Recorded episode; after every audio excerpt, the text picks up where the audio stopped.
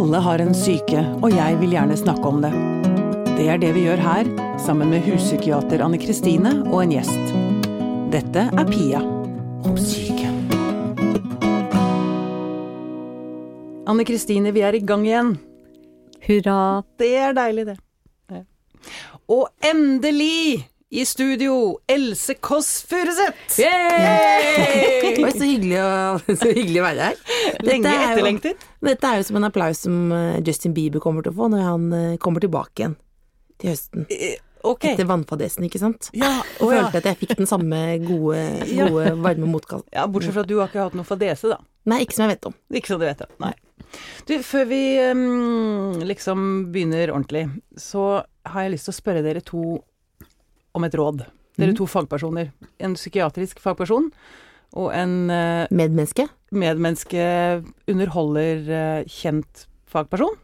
Um, Else. Saken er den at vi lanserte jo Vi har jo publisert seks episoder. Ja. Og så fikk jeg masse god respons. Og nå har jeg fått skrekken. Har du fått fått nå? jeg, jeg har fått skikkelig skrekken. Jeg tenker, gud, jeg, kanskje jeg ikke klarer å levere like bra. Hva gjør jeg med en sånn skrekk? Eksponeringsterapi vil jeg anbefale. Ja, det er vel at du må Men du har jo fått god respons. Ja. Og da, og, så, men nå har du hatt en liten pause, er det derfor du Det er pause, ikke sant? Nå er det sånn, jeg Ja. tenker at det er sånn bok to. Ja, så da, men du er ikke på bok to. Beklager, men seks episoder i en podkast er ikke en bok. Nei. Jeg tenker jo nå, nå er det jo veldig podkast i vinden her nå, men det er jo, du har jo bare så vidt startet, må du tenke. Ja. Og så tror jeg at du må ikke være, prøve da å ikke være så selvbevisst. Nå sier jeg det samme til deg som jeg sier til meg selv. ja. Ikke være så inni din egen navle, og Ah. tenke at det ikke er så veldig viktig. Dette Og ikke om meg. tenke at det å lage en podkast om psyken er jo viktig uansett. Ja. Så dersom du gjør det litt dårlig en dag, så er ikke det så farlig, for ideen er såpass god. Ja. Eh, og du er bare en eh, Du er bare den som holder den derre fakkelen. Det er ikke du som er Lillehammer-OL. Du er bare den som holder fakkelen. Godt Du er bare bilde. litt brikke Utrolig bra. ja. Da skal jeg holde fakkelen Ja. med Du er risen i sushien, liksom. Du er bare et lite bindeledd. Ja, ok. Godt. Veldig bra. Nå tok du presset vekk fra Ja. meg, Else. Tusen takk, Vil ass. si at du er mindre viktig. Jeg er ikke så jævla viktig. nei, men så kan man jo til og med tenke det at eh, hvis det skulle gå skikkelig dårlig, så er det jo noe med det at eh, ja, men av og til så går det skikkelig dårlig. Ja, men det er Men så, så skummelt. overlever man jo. Er det ikke veldig rart at hvis man leverer dårlig, og dette tror jeg er inntrykk av at det gjelder ganske mange, liksom, uansett hva man jobber med, hvis man leverer dårlig, så plutselig mister man hele menneskeverdet. Ja, hva vil si å levere dårlig, ja? Nei, altså, Miste menneskeverdet? Nei, men altså, hvis, jeg ikke, hvis jeg ikke gjør en bra jobb, så er jeg verdiløs som menneske. Men vi er, det som er fint er at nå er jo ikke vi hjernekirurger, eller du er jo fagperson, da. ja. eh, så da men vi er jo ikke hjernekirurger her, så da tror jeg at det er jo ingen som dør av det her. Hvor Nei. galt kan det gå? Nei, ok. Jeg har Det er bare jeg feil. som føler meg dum, liksom. At Ja, øh, folk rundt meg syns at jeg er dum og Du kan se ikke på vil meg være som sammen med meg, altså. støttekontakt, da, som er her med, med dårlig diksjon. Eh, Jeg har jo fått diagnosen slapp tunge. Eh, Så jeg er her, så ved siden av min stemme så vil du høres ut som Céline Dion. Så dette kommer til å gå bra. Åh, tusen takk, ass. Nå fikk Pia var... lyst til å synge. Ja, ikke nei, gjør det. Nei, jeg skal, det, det fikk jeg slett ikke lyst til. Ellers, tusen takk.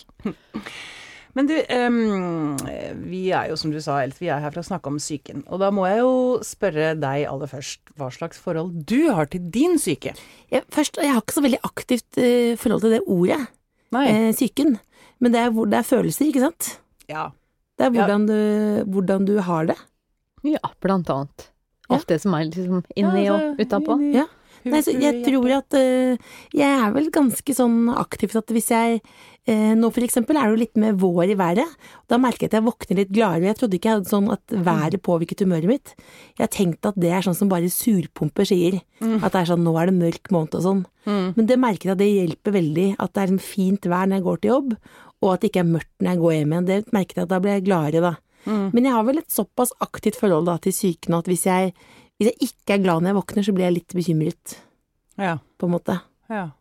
Men, um, Men hvis, ja. du skulle, hvis du skulle Jeg vet at Anne Kristine liker ikke dette i det hele tatt, men hvis du skulle sette en diagnose, sånn lekediagnose på deg selv, liksom, bare for å plassere deg på skalaen, liksom. mm, Depressiv eller manisk, eller jeg er jo bipolar, ikke sant, så det er et mm, naturlig spenn for meg å forholde, forholde meg til. Men hvis du skulle diagnostisere deg selv, Hva ville du? Jeg kan ikke alle forskjellene hva som ligger inne under hver sånn overskrift der, men jeg er vel en engstelig type. Sånn som at jeg ofte går med Jeg går eh, hjemmefra, og noen ganger så tar jeg med meg hårføneren. Fordi at jeg tenker at da brenner jo ikke huset ned, for hårføneren er i veska. Eh, så det Nå, tenker nå har du den med i veska nå? Nei, nå har jeg ikke med veske, så nå Nei. ligger den på jobben. Ja, ok. Eh, for da hadde jeg jo også glemt eh, at jeg skulle hit. Så jeg er jo også en rotete, men jeg vet ikke om det er innenfor Du kan diagnostisere det. Men jeg tror jo at jeg er engstelig, eh, men så er jeg også ganske lat, så det, det demper engstelsen. Ja. Eh, sånn at jeg på en måte Ah, Jeg sover av meg den følelsen ofte. Jeg tenker, så, det er liksom, eh, så da Men det, er vel eng, engstelse, da, som er at eh, eh, brann er ganske høyt oppe. Ja. Eh, at ja. For eksempel så satt jeg på jobb en dag, og så så jeg at det brant i Therese gate.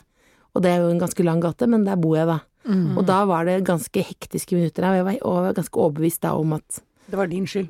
Eh, Ja, eller i hvert fall at eh, på en måte Ja, ganske mye om det leiligheten er borte, om forsikringen er i orden, om det er rotete hvis brannmenn brannmenn kommer, at det står kanskje en halvspiss Grandiosa på benken. altså det er ganske sånn, det er ikke noe sånn Alt er på en måte bare et kok, da. Så det er, men det er ikke så rasjonelle tanker. Eh, Jeg har ikke en halvspiss Grandiosa på benken, altså. Den er inne i kjøleskapet. Ja, det sier du nå. Den er inne i kjøleskapet. Du, jeg lurer på en ting. Um, komikere. Jeg, jeg undres innimellom på om dere komikere har en litt spesiell syke. Jeg bare tenker um, Eller dere er heldige fordi dere kan få utløp for ganske mye rart. Jeg bare tenker, jeg så her forleden denne hva er den heter, Fin i matrosdress, hvor du ender opp på bussen kledd som Donald. Mhm, Altså ikke noe klær nedentil. mhm. Du får tatt ut Altså hadde jeg gjort det uten et kamera, så hadde jeg blitt lagt inn. Ja. Det, jeg, jeg gjør veldig lite sånn uten kamera, så, så det, det gjelder meg også. Jo, jeg tenker at dere får utløp for en del sånne rare, sjuke greier, da. Ja. Altså hvis man er regnskapsfører eller statsråd eller så, så får man ikke gjort sånne ting. Altså, dere har så stor plass. Jeg lurer på om noen sånne, jeg lurer på om noen sånne Dagsrevyen sånn, tenker jeg noen ganger sitter i shorts og sånn. At du ser dressen bare Ja. på skjermen, og så ser du, tenker du, sitter han i bokseren under? Det lurer jeg på innimellom. Ja. Men jeg, nei, men jeg, du får jo utløp for litt sånne eh, worst case scenarioer ofte. Sånn, mm. tenk om det skjedde, det ville vært grusomt. Og så ligger det jo en sånn spenning i, og da har jeg lyst til å prøve det. Mm. Eh, prøve det nettopp fordi det er, det er på noe, noe der, da. Det er i hvert fall ikke kjedelig. Så jeg føler det er den største utfordringen, å lage ting som er kjedelig. Eh, så da det Ikke er kjedelig. Mm.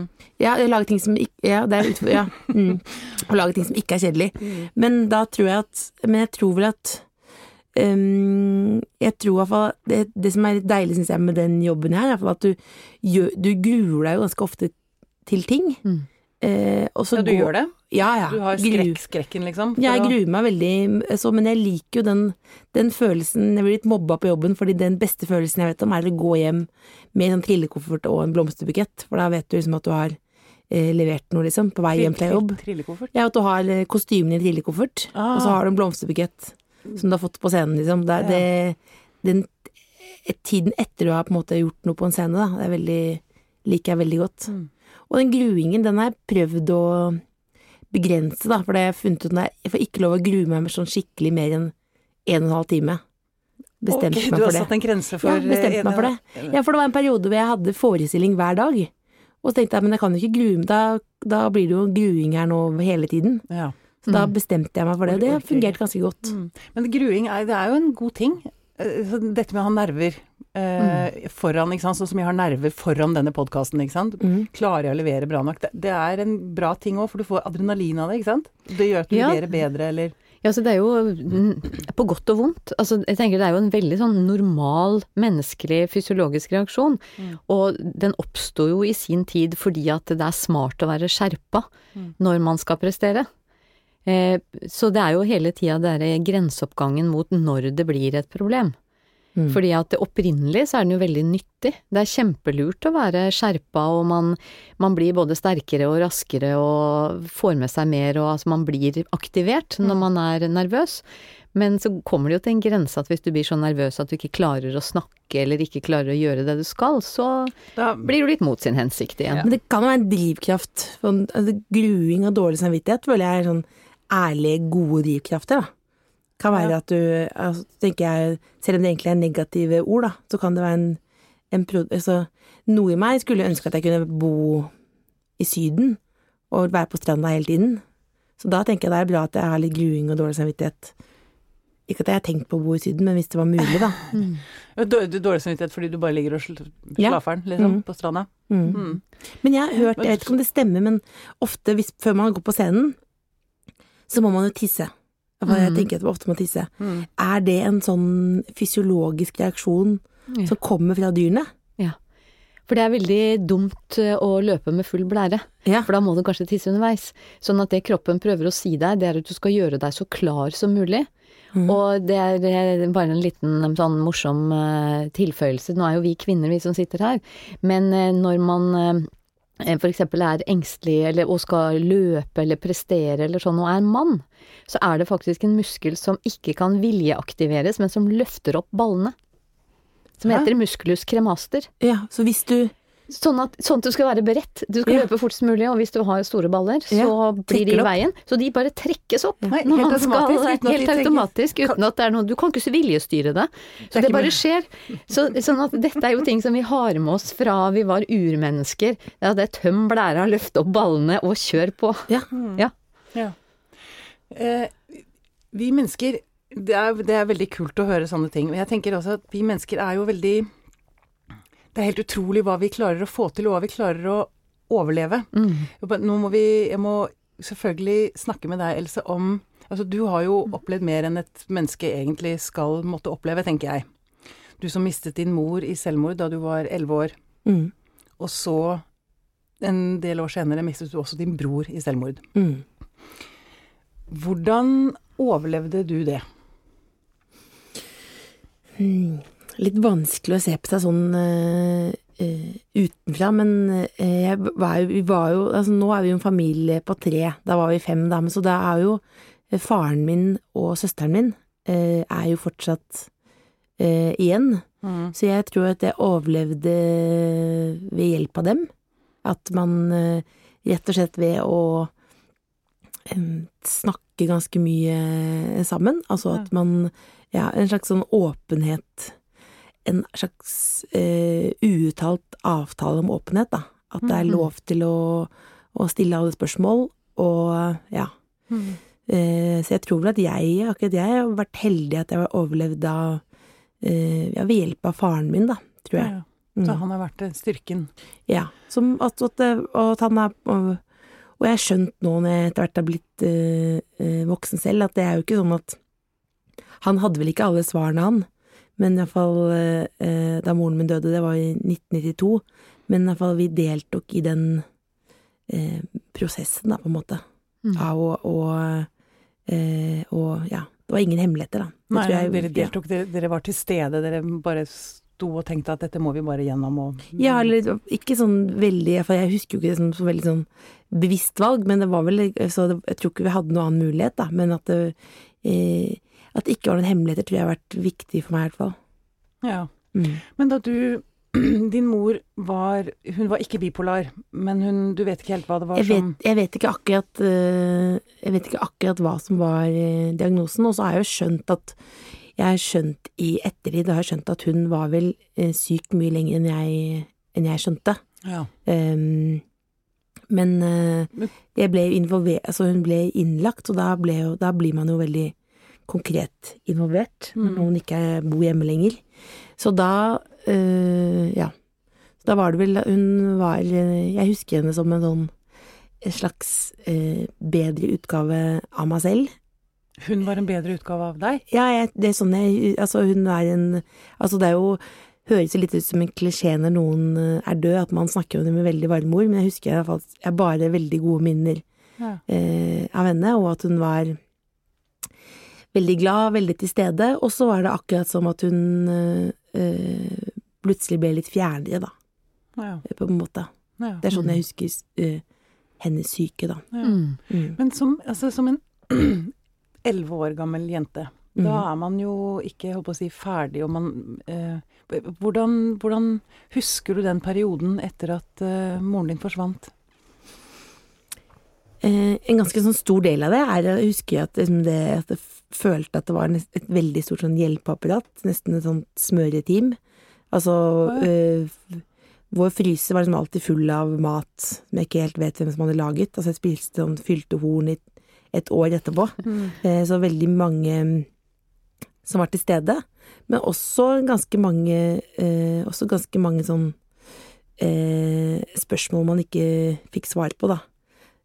Eh, fordi at det er jo helt ideen når noen tar livet sitt, det er jo en Føles jo på en måte kanskje som en avvisning. Mm. Eh, og det Ja, du, det er jo en Og jeg har alltid tenkt på det som en irrasjonell handling, men det sitter jo unektelig igjen med ganske mange spørsmål. Mm. Men siden jeg var elleve, så tenkte jeg vel Jeg følte meg som en sånn detektiv, da. Og jeg var jeg For eksempel så den dagen Den dagen hun døde, så hadde hun kjøpt et uh, Se og Hør som lå hjemme på kjøkkenbordet. Mm. Så jeg skjønte at etter at jeg dro på skolen, så hadde hun vært ute og kjøpt et Se og Hør. Og så hadde hun vært hjemme igjen etterpå og lagt igjen det Se og Høret. Mm. Og utenpå det Se og Høret så var det et bilde av Moskva-Marit.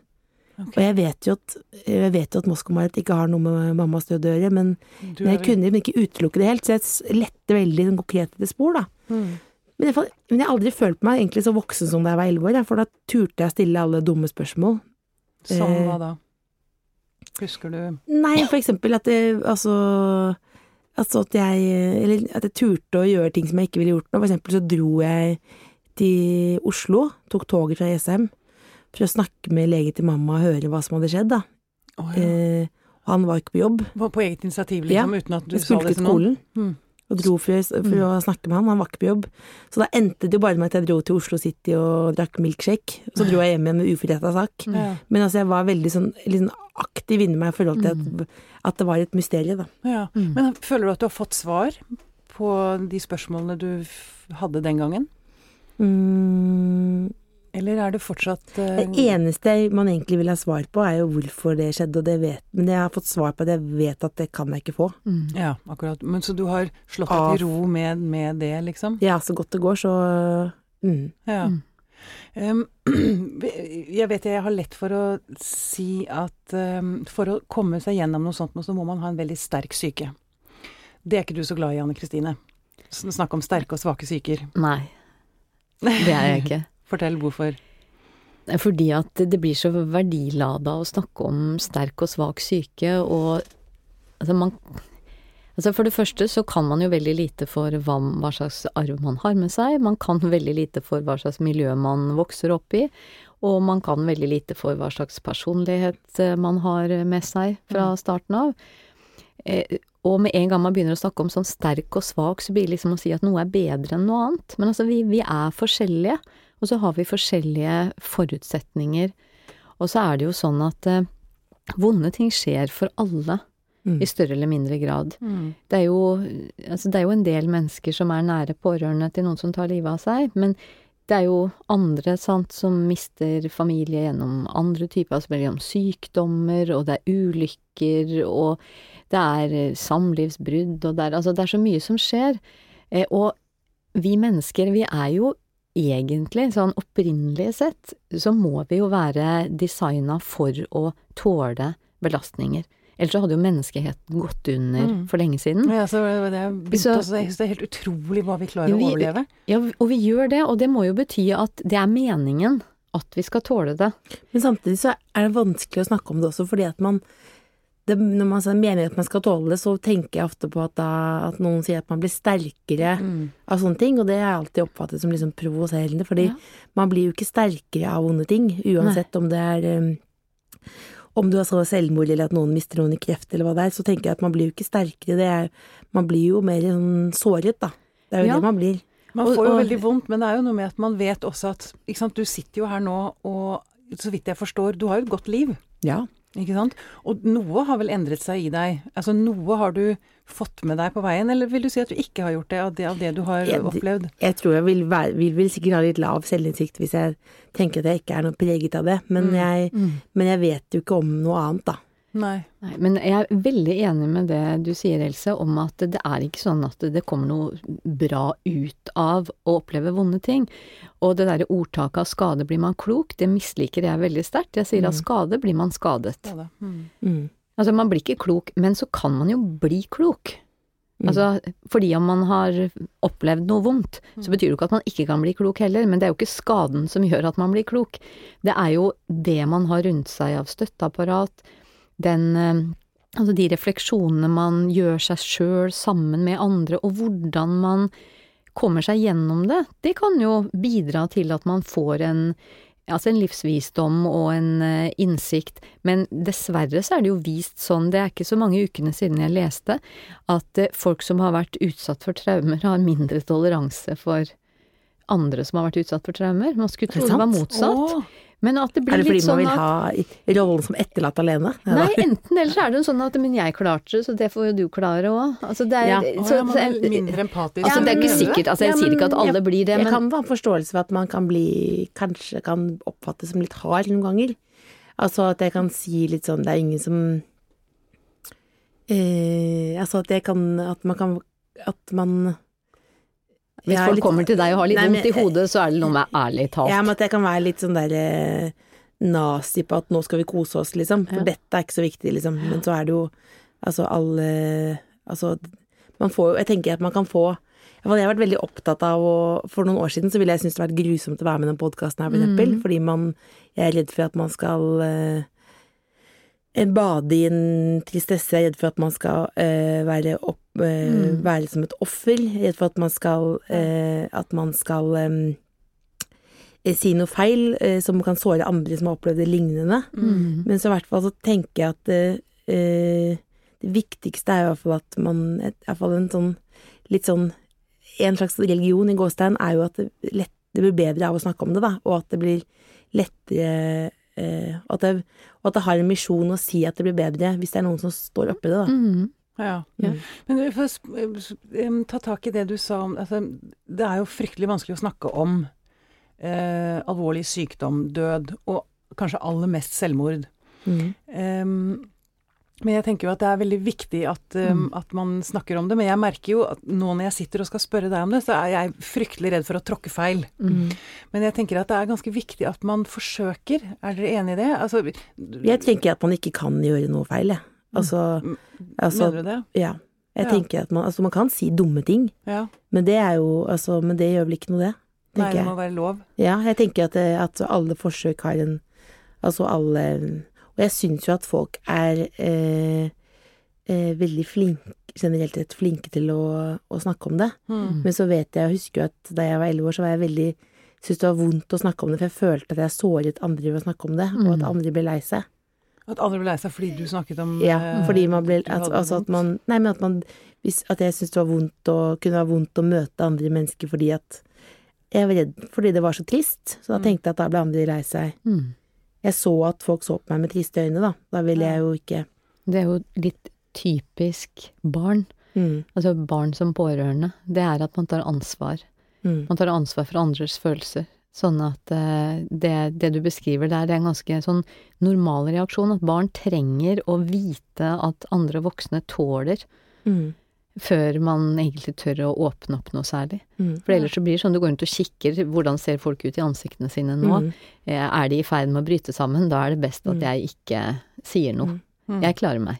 Og så men så tenker jeg jo at det er jo Og så har det jo vært snakk om det med av- Altså i hvert fall Eller jeg har ikke snakket så mye om det eh, hjemme, liksom, men i media sånn, så er det jo snakk om om det er en smitteeffekt å snakke om det, eller om det er Mm. Men jeg tenker at jeg tenker jo at det, hvis det som er problematisk, er jo hvis man romantiserer Mm. romantiserer eh, døden, eller ikke snakker om det på en ordentlig måte, da, for det er jo unektelig veldig brutalt. Mm. Mm. Og det er jo det som er, og det er jo en Det er jo en en slags sånn uh, Det er jo en endelig løsning på, på et sånt midlertidig problem, Ja. når noen blir borte. Mm. Så da Ja. Ja. Men øh, Liksom, vi Nå avsporet jeg kanskje? Det vet jeg ikke. Hva sa du? Nå avsporet jeg kanskje? Nei, overhodet ikke. ikke. Det er, det er ikke noe enkelt spor her. Her er det frie assosiasjoner. Ja. Mm. Eh, nei, jeg bare tenker på folk som forteller om Jeg har i og for seg mm, opplevd det selv at liksom hvis man har mistet noen, så, og så treffer man noen ute på gata, så krysser de gata for å slippe å møte det. Mm. Ikke sant? Um, hva Det tenker jeg er så Det er noe av det mest sårende av alt, Mm. tenker jeg. At folk ikke tør å møte deg når du har det vondt. Mm. Um, har dere noen tanker om, om det? Noen oppfordringer Ja. til uh... Jeg har, jeg har mange tanker om det, og det handler jo om det at folk flest liker ikke eh, ubehag. Altså, bare det å ha det ubehagelig. Når du ser på sant, Luksusfellen, så ser du hva folk er villige til å gjøre for å liksom slippe å forholde seg til noe som er ubehagelig. Ja. Og jeg må bare fortelle at det, det er en avsporing, men det er en litt morsom historie. Har du vært på Luksusfellen? Nei, jeg har ikke det. Jeg har ikke det. Her kommer det for en dag. Men jeg skulle være møteleder på Ja. et kurs. Og så hadde jeg eh, vært ute og gått i snøværet. Mm. Og jeg hadde hatt på meg sminke. Mm. Og så var det jo, det var masse snø og sånn. Og så kom jeg inn, og så hilste jeg på flere og prata og alt sånn. Og så tenkte jeg nei, nå skal jeg gå en tur på do før eh, dagen begynner. Og når jeg kom inn der, så så jeg ut som et spøkelse. Ja. Jeg hadde altså maskara og hele øyetrykk over hele ansiktet, og ingen hadde sagt noe. Åh, Og da, men det er faktisk litt samme mekanismen, at folk syns det er så ubehagelig å Ja. være den som påpeker noe. Ja. Vi, folk tør si sånn. ja, Ja. folk tør jo nesten ikke å si at smekken er åpen en engang, det, det- Man kommer, man blir så litt sånn beklemt når man Mm. må påpeke noe, men det ville jo vært mye mer realt hvis noen hadde sagt til meg at du burde gå en tur på badet.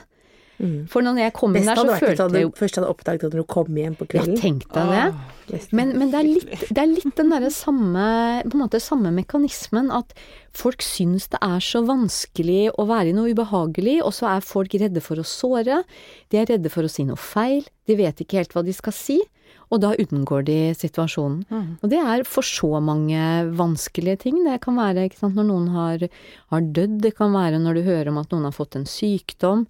Mm. Mens det beste er jo at noen da kommer bort og sier hei, vet du, nå har jeg hørt at du har blitt syk. Mm. Stemmer det? Det altså Men man er, men er, man er redd for å på en måte komme med noe trist oppi noe Ja. eh, Jeg husker sånn at eh, da broren min døde i 2009, mm, så husker jeg jo at da Så husker jeg at jeg kanskje noen uker etterpå på fest. mm, Og da husker det er jo sånn at Da husker jeg at noen snakket veldig mye om at det var så forferdelig. mm, Og så ville jeg egentlig bare da ville jeg, var jeg mest opptatt av at Alexander Rybak vant. Ja. Og det er jo sånn, det, for det var jo veldig stort, selvfølgelig, men også, det var jo sikkert også fordi det var deilig å tenke på noe annet. Men samtidig så er det jo ikke sånn at selv om jeg ikke da vil snakke med han, så det gjør ikke noe, da. Jeg mener, jeg synes det er viktig, de der feil forsøkene gjør ikke noe. Det er ganske mye morsomt i det ofte. Sånn, eller det er på en måte sånn Det får deg jo til å tenke på noe annet. Eh, og jeg tror at man som sånn Altså hvis man er liksom eh, Hvis man kjenner noen som ikke har det så bra, så tror jeg ikke du kan gjøre noe feil, da. Nei. Og hvis, og hvis du er redd for å gjøre feil, så kan du jo bare si det at vet du hva, jeg kjenner at jeg er veldig redd for å gjøre feil nå, men allikevel så lurer jeg sånn på hvordan du har det, så derfor må jeg bare spørre. Mm. Og så kan man jo si til den andre at vet du, du trenger ikke å svare, men jeg har nå bare lyst til å om man det si at jeg har hørt, eller ja, jeg man kan bare si eller at jeg vet, jeg har hørt at det, og Ja. du kan bare si ifra hvis du vil snakke om det. Ja. Mm. Men det å, Og det å til den andre og, og Ja. liksom Mm. Mm. Men folk er jo ganske gode på det, da. Man er jo veldig Man blir jo veldig Og det kan jo noen ganger være litt sånn komisk også. Det blir jo ganske sånn Når det er triste ting som skjer, så blir du jo veldig sett som sånn etterlatt. Mm. Eh, altså du kan få veldig sånn Jeg var, ble jo ganske sånn veslevoksent, Mm. eh, privilegert barn som ble liksom Altså var ganske flink til å snakke med voksne. Ja. og, og, og forklarte at psykisk sykdom Det hadde jeg på psyken med da. Da var jeg mer opptatt av ordet syke. Mm. Eh, og det er jo på en måte ikke som kreft, for det er fysisk. Men Mm. altså, jeg hadde foredrag for klassen og ble på en måte sånn Mm. ganske irriterende, tror jeg. Det er du ikke lenger. Nei, det er av og på. Av og på. Jeg har lyst til å spørre dere noe. Jeg kom over en artikkel en, en, eh, fra NHH, altså Handelshøyskolen. En undersøkelse som ble gjort i 2011, hvor 33 land var med. Hvor de testa eh, altså, eller, Resultatet av undersøkelsen er at Norge er et av de landene eh, som har de strengeste sosiale normene. Vi var i, i gruppe fire, altså den verste gruppa, sammen med Pakistan, India og Malaysia og sånn. Mm. Eh, det, det var litt sjokkerende for NHH, som var med, med i denne undersøkelsen, Mm. altså som liksom gjorde uh, undersøkelsen i Norge, å få det resultatet. Men jeg tenker at det for meg så stemmer det ganske bra. Jeg tror vi er, er vi ganske strenge i Norge? Har vi liten plass? Tenker, Syns dere det? Strenge om for hva da? Nei, sosiale normer. Altså vi har lite slingringsmonn for hva vi får lov til, hvordan vi får lov til å oppføre oss, da. Apropos dette, altså vi er veldig redde for å gjøre noe gærent. Ja, du skal ikke le så veldig høyt på restaurant før du får sånne misbilligende blikk fra bordene omkring. Og hvis det er mange ledige plasser på bussen, så skal du ikke gå og sette deg ved siden av noen, du skal sette deg på et tomt sete. Ellers så lurer folk veldig på hva slags raring du er. Ja. Ja, men Og det er en del sånne ting. det er litt ting. rart hvis noen setter seg Men du vet, i et annet land, altså hvis du er i eh, altså lenger nærmere Middelhavet, Ja. så vil jo folk sette seg ved siden av hverandre fordi de har en plan om å prate og bli kjent med noen og Ja. Så, så det, er, eh, det er litt sånn kulturen vår som Nei. sier at sånt gjør man de, ikke. liksom de der offentlige rommene er på en måte ikke sosiale steder i så stor grad, da. Jeg skulle ønske vi hadde mer plass til litt galskap, da. Ja. Uh, igjen nå er jeg tilbake til dette med jeg er litt misunnelig på komikere som får lov til å være Ja. Ja, hun er gæren, liksom. Altså, det er helt opplest og vedtatt. Det er Ja, det var, greit, da. jeg gjorde noe, hadde sånn eh, skjult kamera her om dagen, og da drev og fyrte av noe sånn konfetti i Carl Berner-krysset. Ja. Uh, og så, så det var kom, deilig. Så kom eh, Det var i rushen, så kom eh, politipatrulje, og så sa de ja, vi hørte at det var en dame som sto og fyrte av konfetti, så trodde vi det enten det var et utviklingslag eller en gal person. Ja. Og så sa han politimannen, ja, så viste det seg at det var det siste. Og så lo jeg, for jeg tenkte det var en vits, da, men han mente jo sikkert at det var galskap å stå der inne der, da. Mm. Men selvfølgelig, det er jo sånn som er sånn Det er jo litt sånn at man får gjennomføre litt sånn dagdrømmer noen ganger, da. Ja, ikke sant? At du får eh, gå over grensene. Ja. Men jeg vet ikke akkurat det er vanskelig å sammenligne med andre land. Jeg har kanskje vært litt lite på Jeg har kanskje vært litt lite utaskjærs. Ja. Eh, men eh, ja, det er jo Men du føler mange ikke at det er strenge normer i Norge for hvordan man skal oppføre seg? Nei, mm, Strenge sosiale regler, nei jeg liksom? føler at det er ganske sånn Jeg føler at det, at det er ganske mye aksept, da. ja. For mm. For Ja, for å Ja. Ja, for å være glad, for å være lei seg. Ja. Mm. Det er jo en god ting. Det er en god ting. Men så er det jo sånn at de- de holder jo veldig mye på med å sette meg inn til folk på bussen og fyre av konfetti som Ja. liksom jobben, da. Ja, du setter deg inn til folk på bussen? Ja, bare hvis det er skjult kamera. Ja, ikke sant? Ja. Men jeg tror nok også at det er lettere, det er lettere i Oslo, altså det er lettere i storbyer, for jeg har jo både vokst opp og delvis jobba i sånne små distriktskommuner, Mm. og der er det enda trangere. For der er det sånn at eh, folk legger merke til og har meninger hva du har Hvorfor på er deg sånn når du går på butikken. Hvorfor er det da? Fordi det er færre mennesker? Det blir jo mer synlig. Mm. Eh, Nei, jeg vet ikke helt hvorfor. Jeg det eh, Er det så sånn. gærent å være litt rar? Hva er det? Altså, det er jo Hvis man blir gladere inni seg Mm. av å være litt rar, så vil jeg jo slå et slag for å være litt rar. Mm. Ja, jeg tenker at det må slå et slag på at alle kan få være, om det er rar eller normal, eller hva det er for noe. Ja. Så, men men eh, jeg skulle noen ganger ønske at noen hadde sagt vært strengere mot meg, da, og sagt sånn nå, nå må du skjerpe deg. Hvorfor det? Ja, noen ganger Nei, jeg syns det er deilig med litt sånn Jeg liker når man får liksom drammer også, da. Ja. Hvis ikke så hadde jeg kanskje stått nede på Carl Berner døgnet rundt og fyrt av konfetti. konfetti Ja, altså, i jeg tide og synes- utide? Nei, men at det er noen Ja. regler. Det er noe sånn befriende med regler også, da. Ja, du Altså da. at jeg syns det er befrielse, og at man eh, Du må være på jobb til klokka ni, du må gjøre det. Altså, altså noen bestemmer over det, da. Det Ja. du snakker om er at du liker ytre struktur.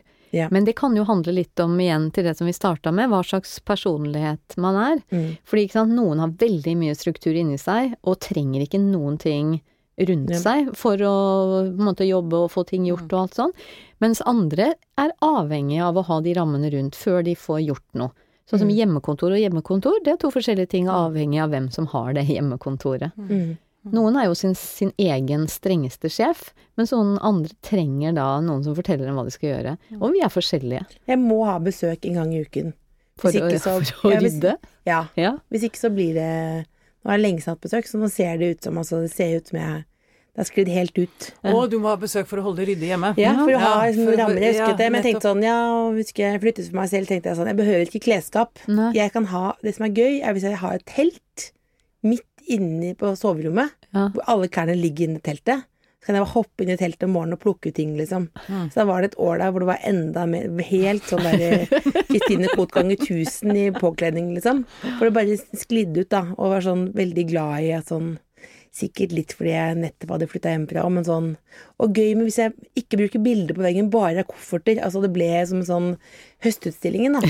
Så da er det deilig, var det deilig da å bo sammen med noen som sier at nå, det er veldig fint hvis vi kan ha klesskap, og hvis det kan være bilder på veggen, ikke kofferter.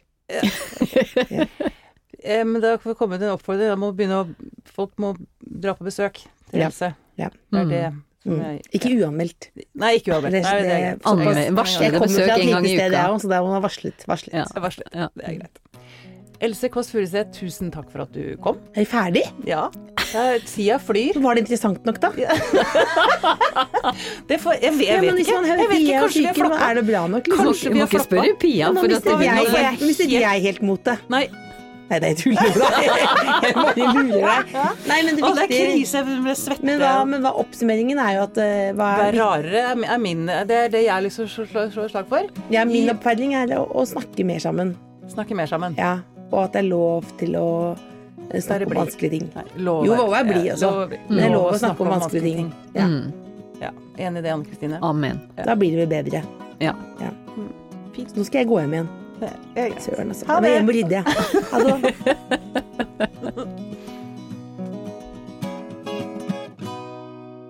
Denne Podkasten er produsert Av Tid og Lyst.